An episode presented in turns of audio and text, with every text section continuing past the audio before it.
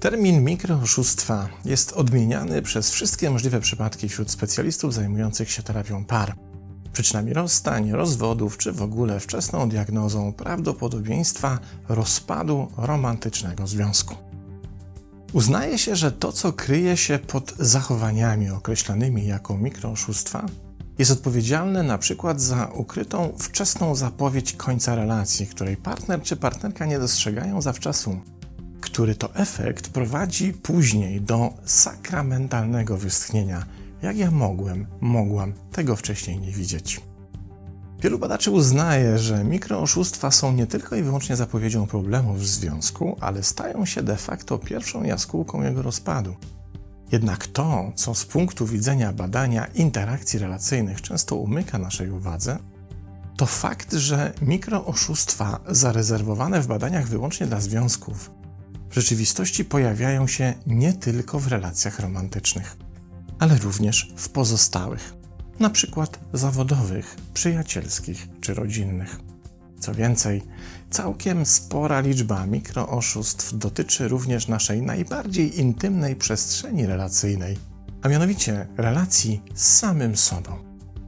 Jak to ma miejsce w relacjach romantycznych, w tych pozostałych przestrzeniach mogą być one zapowiedzią przyszłej katastrofy, i również umykają naszej uwadze, mimo iż tak naprawdę są bezcennym sygnalizatorem tego, że oto sprawy zaczęły zmierzać w dotąd nieoczywistym kierunku. Żeby jednak pokazać, w jaki sposób działa ten system i jak możemy się na jego działanie uwrażliwić, by w porę go rozpoznać, musimy dowiedzieć się, czym są mikrooszustwa i kiedy się pojawiają. A to najłatwiej i najpełniej jest pokazać właśnie na związkach romantycznych, chociażby z tego powodu, że w tym obszarze nad mikrooszustwami wykonano szereg naukowych badań.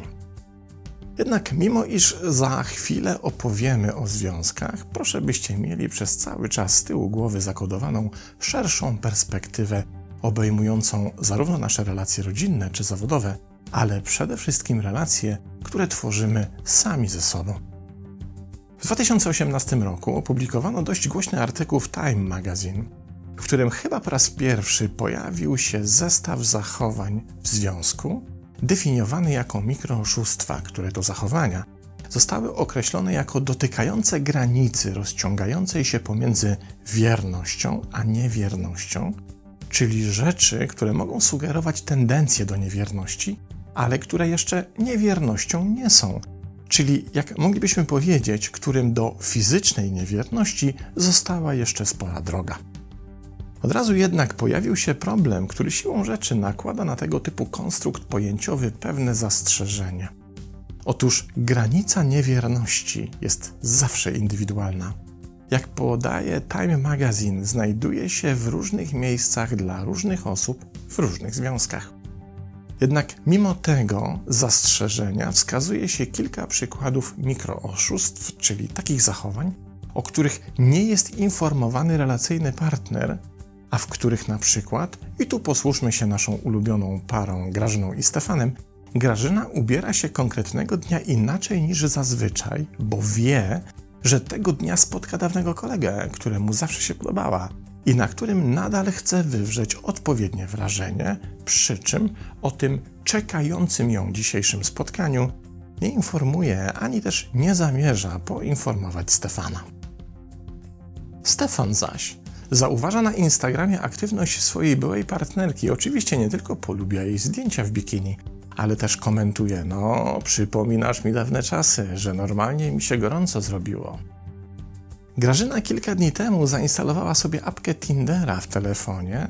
Na razie się tam nie loguje, nie tworzy konta, nawet nie zamierza jej otworzyć, ale sama świadomość, że tam jest, ładuje przyjemny dreszczyk wyobraźni, co by było gdyby.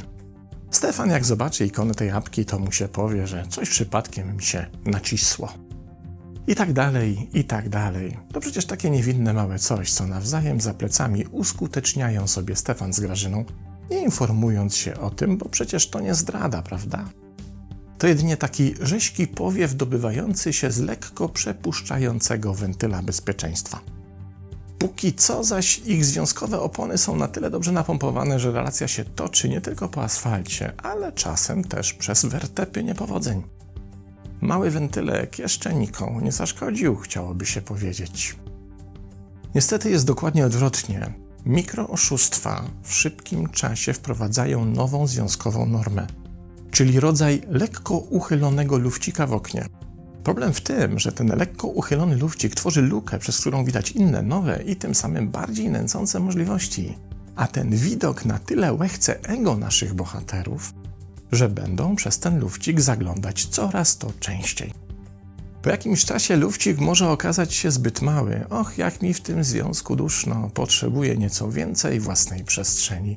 I hyc, niepostrzeżenie, lufcik już nie jest uchylony, ale otwarty na oścież.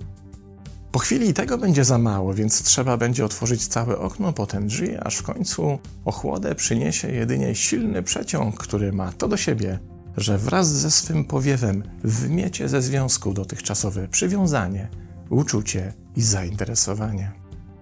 A wszystko pojawia się wówczas, kiedy na horyzoncie takiego związku ten lufcik otwierany za sprawą pojawienia się osoby nazywanej zakamuflowanym podpalaczem, który swoją obecnością angażuje zainteresowanie któregoś z partnerów.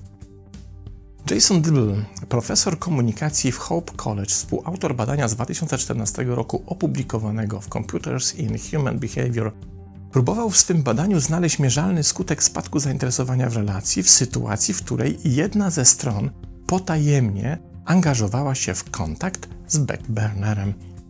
Tym zaś mianem dr Dibble nazywa osoby, które pojawiają się na horyzoncie jakiejś relacji przyciągając komunikacyjne zaangażowanie jednego z partnerów, czyli w naszych przykładach backburnerem będzie Stefanowa była i dawny kumpel Grażyny. Okazało się, że ukryta komunikacja z backburnerem wprawdzie nie powoduje drastycznych skutków związku, o ile pozostaje ukryta, jednak z czasem staje się przyczyną wycofania zainteresowania. A kiedy wychodzi na jaw, powoduje potężny impact zazdrości, poczucia winy oraz zmianę sposobu myślenia o partnerze, co w konsekwencji prowadzi do destrukcji relacji. Australijska psycholog Melanie Schilling, uznawana za twórcę pojęcia mikrooszustwa, uznaje, że kluczowa nie jest sama komunikacja z backburnerem, ale utrzymywanie jej w tajemnicy przed partnerem, bo to prowadzi do najbardziej destrukcyjnych efektów w postaci wycofania zaufania. Ta zaś tajemnica jest często najbardziej pociągająca, bo to przecież ona uruchamia potencjalną wyobraźnię. Kiedy otworzysz apkę i zalogujesz się do randkowego portalu, tajemnica traci swój czar, który skrywa się za tym, że nie wiesz, co się może wydarzyć, zanim to zrobisz.